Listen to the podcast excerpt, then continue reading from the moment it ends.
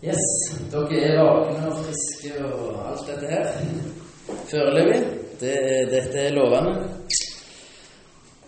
Yes. Eh, Rikard sa at vi har, har en visjon, og det, det stemmer. Vi har faktisk endra litt på den. Eh, tett på Gud, tett på mennesker er med oss. som Det kommer alltid til å være med oss i liksom, frikirke. Men så har vi funnet ut med å ha noe som, som sier litt mer om enda mer om hva vi, hva vi er, og hva vi vil. Eh, så vi har en visjon som heter at eh, vi vil lede mennesker nærmere Jesus og tjene Ulsteinvik med Guds godhet. Det er det vi ønsker å gjøre som kirke. Eh, og vi ønsker å gjøre det ved å leve tett på Gud og tett på mennesker. Eh, så det vet dere, det er ganske ferskt. Det har vi jobba eh, litt med for å finne ut hva, hva skal vi være, hvor, hvem er vi som kirke, hva ønsker vi å oppnå, eh, hva skal vi bety, osv. Så, så da vet dere det. Breaking news. Yes. Ok, vi skal, vi skal snakke litt om, om påske. Vi skal se på påskebudskapet disse dagene. Nå har vi to kvelder, så det blir jo selvsagt litt, litt amputert. Vi går ikke under alt. Eh, Temaet, eller Overskriften i dag er 'Takk for livet' med stor L. Dette er da fortsatt med det som Arve slapp på søndag, hvis noen har fått med seg det. Dere trenger ikke ha hørt det for å få med det i dag. Men livet med stor L er på en måte Jesus som er livet. Eh, og Vi skal se litt på det Jesus har gjort for oss eh, i, i, kveld.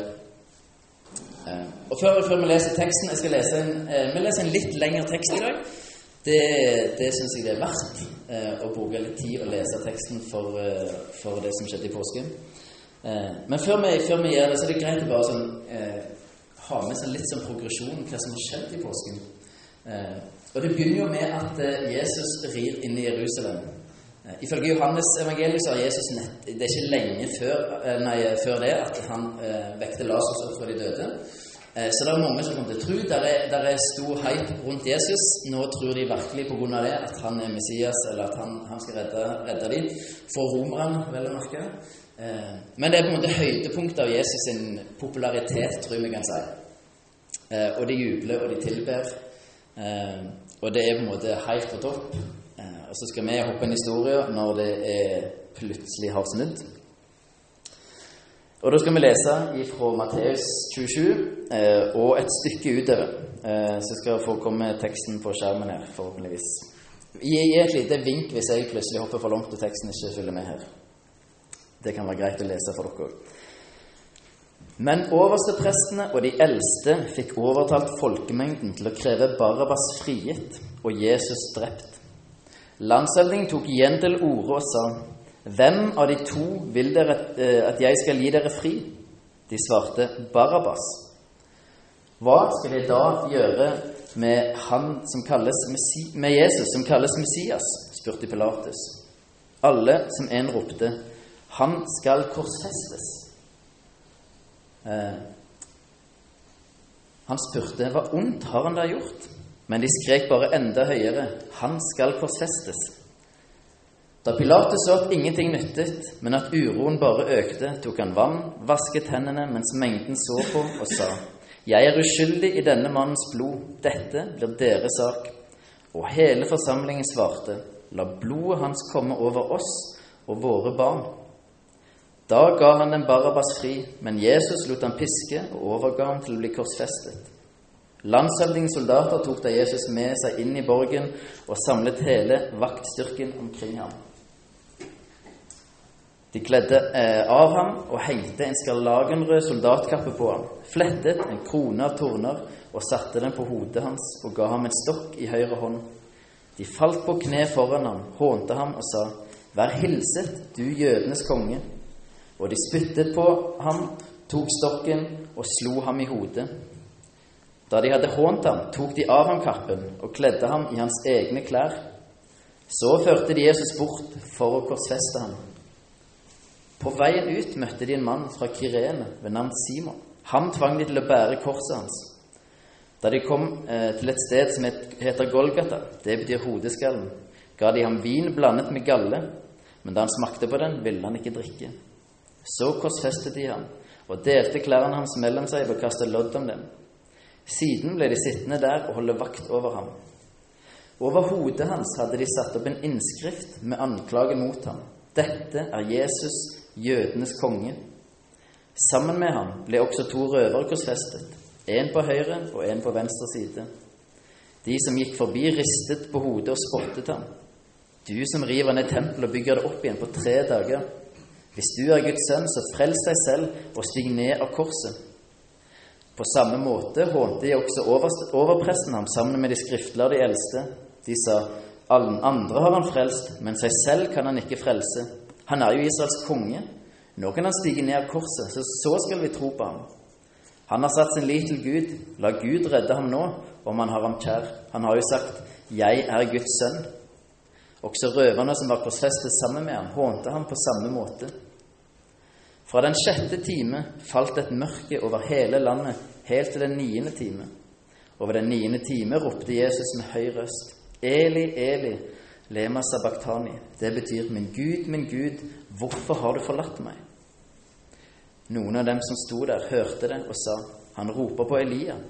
Og en av dem løp straks fram, tok en svamp og fylte den med vineddik, satte den på en stang og ville gi ham å drikke. Men de andre sa, vent, la oss se om Elia kommer for å redde ham.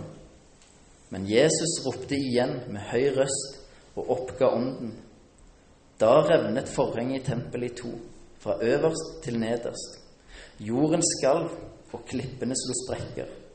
Gravene åpnet seg, og kroppene til mange hellige som var sovnet inn, ble reist opp. Etter Jesu oppstandelse gikk de ut av graven og kom inn i den hellige byen, hvor de viste seg for mange.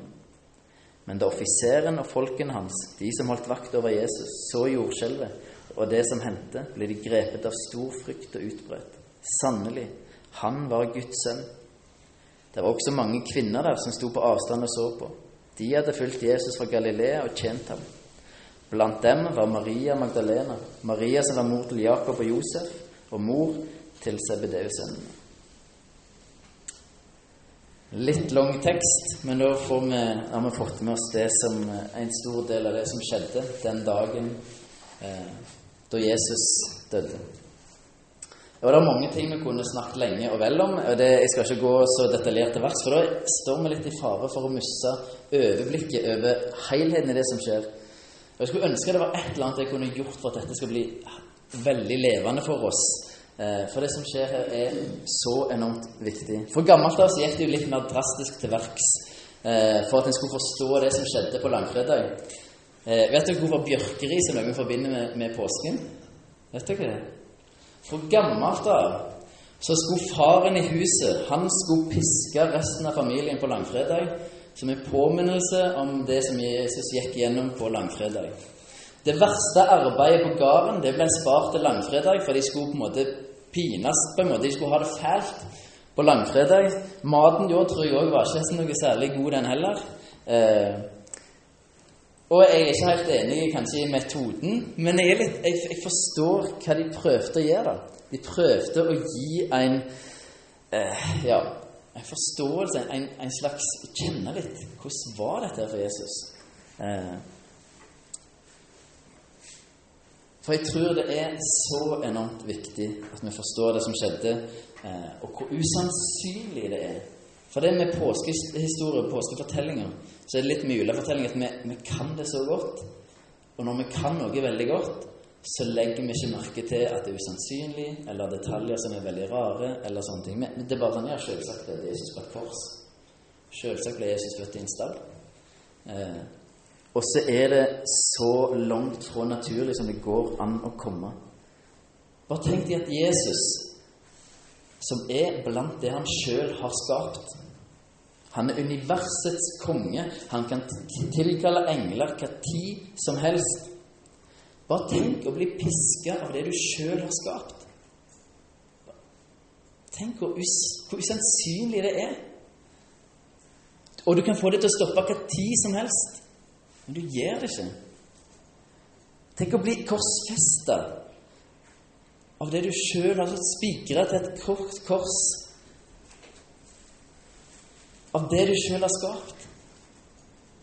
Jesus som eier verden som har kontroll på alt.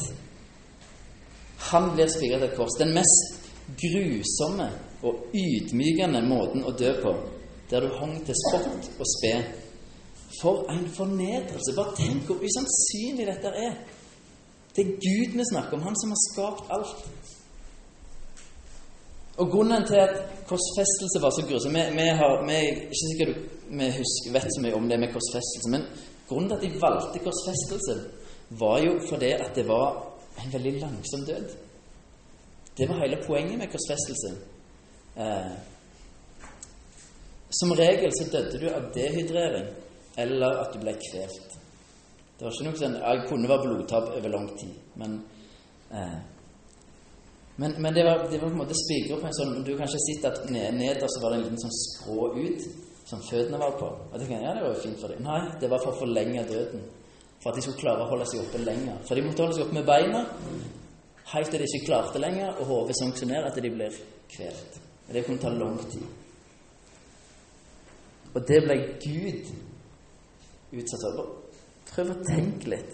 Og tenk fra et foreldreperspektiv. At Gud Fader satt i himmelen og så på dette her uten å gripe inn. Prøv å tenke hvis det var din unge som ble utsatt for en grov tortur, og du har mulighet til å gripe inn. Du, vi, hadde jo, vi hadde jo Ja. Vi hadde gjort et eller annet grusomt med de som gjorde det, sannsynligvis. Men Gud satt i himmelen og så på at sin elskede sønn gjennomgikk dette. Faktisk så står det i Isaiah 53, 53,10 at det behaget Herren å knuse ham. Det behager Gud. Hva slags far er det? Hvordan holdt han ut det? Hvordan holdt Jesus ut det som han gjorde uten å tilkalle noe? Hvordan, hvordan er det mulig? Eh, og Bibelen gir oss svaret sjøl. Eh, I Hebreerne kapittel 12 og vers 1-2 så står det Derfor, når vi har så stor en sky av vitner omkring oss, så la oss legge av alt som tynger, og synden som så lett fanger oss inn, og med utholdenhet fullføre det løpet som ligger foran oss, med blikket festet på Jesus, på ham som er troens opphavsmann og fullender, Jesus. For å få den gleden han hadde i vente, holdt han ut på korset uten å bry seg om skammen og nå har han satt seg på høyre side av Guds trone. På grunn av gleden som han hadde i vente, så holdt han ut. På grunn av meg og på grunn av deg så holdt han ut. Det er en, det er en sånn enorm, enorm kjærlighetserklæring. Det, må så enormt mye kjærlighet til for å holde ut noe sånt. For lege ikke bare akkurat eh, dødsdagen, men hele livet hans. Det må så mye kjærlighet til for å gå gjennom et sånt liv, en sånn død, for noen andre. Forstår du hvor enormt høyt elska du er? Hvor enormt Gud lengter etter deg? Hvor han lengter til å få lov til å være nær deg, ha en nær relasjon til deg? Ser du gleden som Gud har i deg?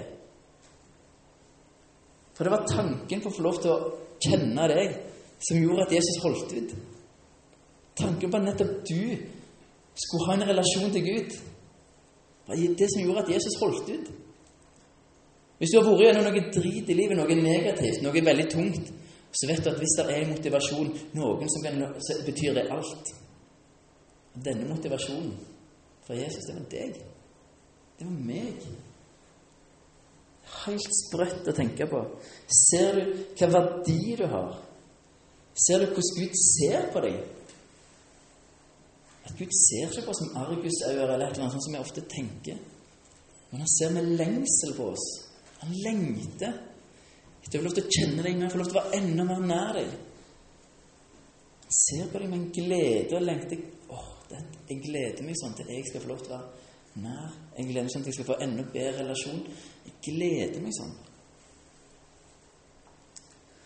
Det er noen som syns at, at hele greia med at Jesus måtte dø, og hvorfor måtte det være så grusomt, syns det er litt rart. Eh, jeg kan, jeg kan forstå tanken bak det. Eh, men for å bruke et bilde for hvorfor dette er så viktig Si at jeg reiser, jeg reiser gir vekk en stund, og så sier jeg til naboen, spør naboen om han kan passe huset og ta en posten. Og sier ja, han gjør det. Så når du kommer tilbake, da, Så, så snakker litt naboen sånn Ja, forresten, der kom noen med en regning på døra, men jeg bare betalte den. Og hvordan skal jeg da takke naboen? Jo, det kommer jo helt an på regningen. Var det idrettslag Dorullene friidrettslaget som har betalt? Så jeg ja, supert, takk, det var raust av deg. Jeg kan betale noe for det en gang, et eller annet. Men hvis det var banken som kom på døra for å ta huset mitt, for jeg klarer ikke å betale lånet, og han har betalt gjelda mi, hvordan takker jeg han da? Jo, da kysser jeg føttene hans, og jeg vet ikke hva godt jeg kan gjøre, for det er helt Hvordan skal jeg takke for det? Han har jo redda meg. Redda meg for, for familien. Hvordan, hvordan, takker du da? Poenget er at prisen som er betalt, er den som avgjør hvordan vi takker. Og Det er derfor vi trenger å forstå hva Jesus gikk gjennom for oss. Og ta inn over oss den enormt høye prisen som han betalte for å redde meg og deg. For da kan vi også takke han på den måten som han faktisk fortjener. Eh, og det forteller oss noe hvor enormt høy verdi vi har, hvordan Gud lengter etter oss. Vi må få tak i det. Eh, jeg har lyst til å vise dere en liten filmsnutt eh, som for meg er, er veldig sterk. Det er ikke en kristen film. Det er en vanlig amerikansk spillefilm. Og det er Denzil Washington som spiller hovedrollen. Eh, og han spiller en far som har en sønn eh, som trenger et nytt hjerte for å overleve. Filmen heter John Q, hvis noen har sett den. Hvis ikke har sett den, så bør dere se den. Den er veldig bra. Eh, men jeg vil at når vi ser denne snutten, så skal du se på at denne faren, Denzil Washington, han er et bilde på Gud, eh, og at meg og deg er et bilde på den gutten som, som ligger der, som trenger et nytt hjerte. Bare sett på filmen. Ja, forresten, er det jeg som gjør det?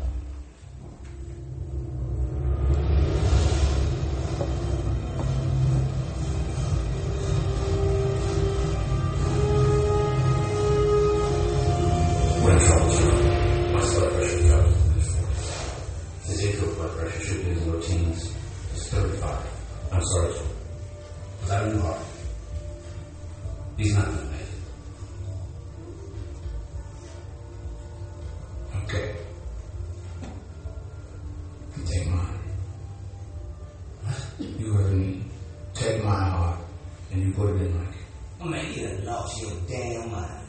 You can't be serious. You bet I'm serious. I'm dead serious. Oh my God.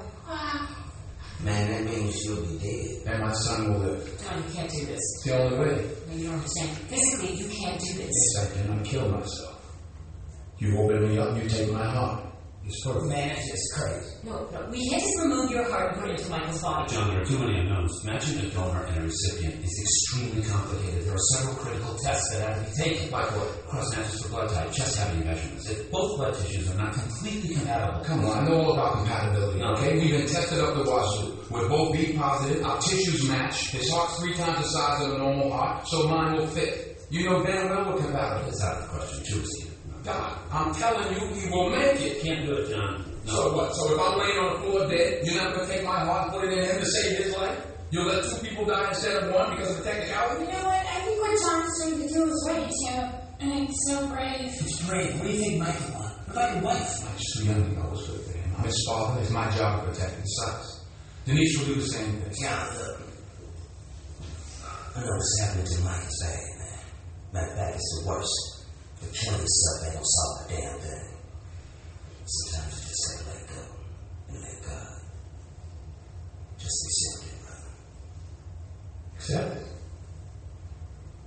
Accept what? Accept what? That Mike is going to die. No. No, I don't accept that. Ever. No, I reject that out of hand. I mean, look, he, all right, he's a patient to you. I understand. But if you, he's a good kid. I mean, he's, he, he, he loves bodybuilding. He, he wants to be a bodybuilder. Can you believe that? And he's funny. He's, you like him. You like him, Dougie, the other I do like All right, then. Then please, I'm just begging you.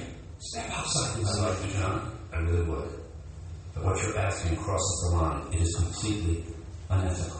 I'm not. I'm crossing the line. You're crossing the line. The whole damn system crossing the line. Yeah, baby, you understand what I'm talking about.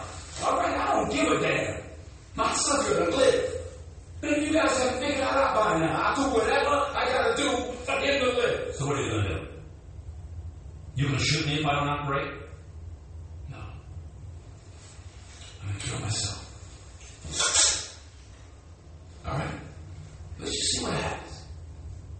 I mean, that's what this is all about, right? He needs a know. Somebody's got to die in order for him to live. I'm his father, it's me.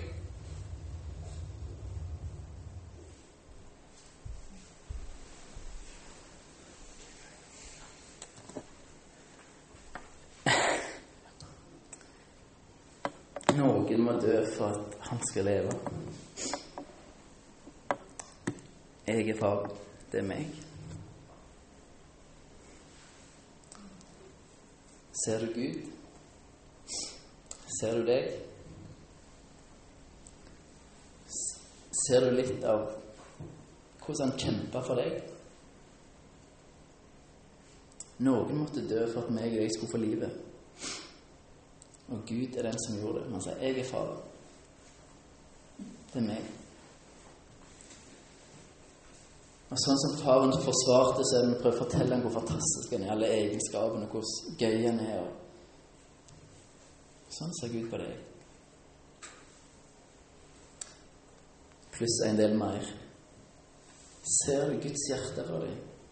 Hvor enormt godt han liker deg. Hvor enormt høyt han elsker deg. Han er en sånn fantastisk god far som har så enormt mye godt for oss. Eh, Og vi lever i en tid der verden er usikker. Jeg, jeg kan kjenne på, på frykt for den når jeg ser på verden rundt meg. Jeg kjenner meg ikke igjen. Det har skjedd så mye. Eh, og jeg kan lure på om Gud er han en god far? Har han kontroll? Vil han ta seg av meg? Eh, så er det et, sånn, et vers som er blitt litt viktig for meg i det siste. Romerne 8, 32. Han som ikke sparte sin egen sønn, men ga ham for oss alle, kan han gjøre noe annet enn å gi oss alt sammen med ham? Når Gud har vist oss en sånn enorm kjærlighet det, Han har vist det, på den mest ekstreme måten i de største tingene. Hvordan kan han da ikke gjøre det i de små tingene? I de mindre tingene? Hvordan kan han. Hvordan kan han bevise sin kjærlighet på en bedre måte enn han har gjort? Hvordan kan han la være å ikke være en god far videre når han viser at han er villig til å ofre alt for deg? Hvordan, hvordan er det mulig? Som en far med filmen viser ikke han at han vil hva som helst for at sønnen skal ha det bra? Hvis han gjør det i de store tingene, så er det selvsagt han vil gjøre det i de mindre tingene. Selvsagt vil han det. Vi har en far i himmelen som har en sånn enorm omsorg for oss. Som sier at 'jeg har prøvd å vise deg hvor enormt høyt jeg elsker deg'. Jeg er til å stole på. Så høyt elsker jeg. kommer ikke til å svikte deg etterpå.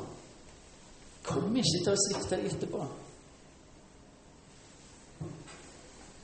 Og ingenting av dette her handler om at vi skal ha dårlig samvittighet eller noe som helst sånt.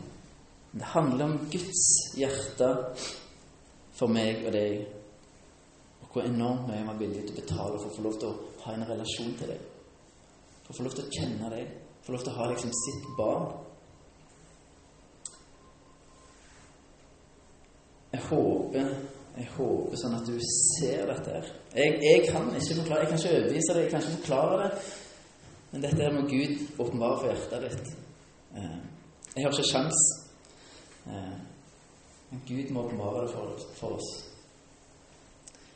Jeg håper bare at du ser at denne historien påsken, om det som skjedde med Jesus i påsken, at det, at det får lov til å tale til oss og gjøre oss takknemlige for det Gud har gitt oss. At vi kan forstå at vi har fått alt av Vi har fått livet av Gud. Eh, og Han kommer ikke til å svikte oss. Vi har så mye å takke for. Vi har så enormt mye å takke for. Eh, Gud er så, så enormt god. Eh, og Jeg pleier vanligvis å ha noen, noen sånne refleksjonsspørsmål, men eh, det har jeg ikke i dag. Eh, det jeg vil vi skal gjøre nå, er at vi setter på litt sånn rolig musikk i bakgrunnen. Og så vil jeg rett og slett at du bare sitter for deg sjøl og tenker, snakker med Gud, takker Han, you name it, gjør, det du har lyst til. Men, men sitt, sitt og vær med Gud i noen, noen få minutter. Eh, og bare takke. Tenk tenk gjennom hva han har gjort for deg. Hva, hva retning du vil ta deg, vet jeg ikke, men, men bare bruk litt tid med Gud. Det skal ikke skje noe spesielt. Eh, jeg og Pernille kommer til å sitte bak hjørnet der nede hvis noen ønsker å bli bedt for. Eh, hva som det kan være stort, det kan være smått, det kan være bare å bli velsigna. Men har bare lyst til å gi mulighet for det. Eh, så kom gjerne og gjør det. Eh, men vi tar litt tid nå, og så bare er vi stille i lag med Gud og takker Han og reflekterer det Han har gjort for oss.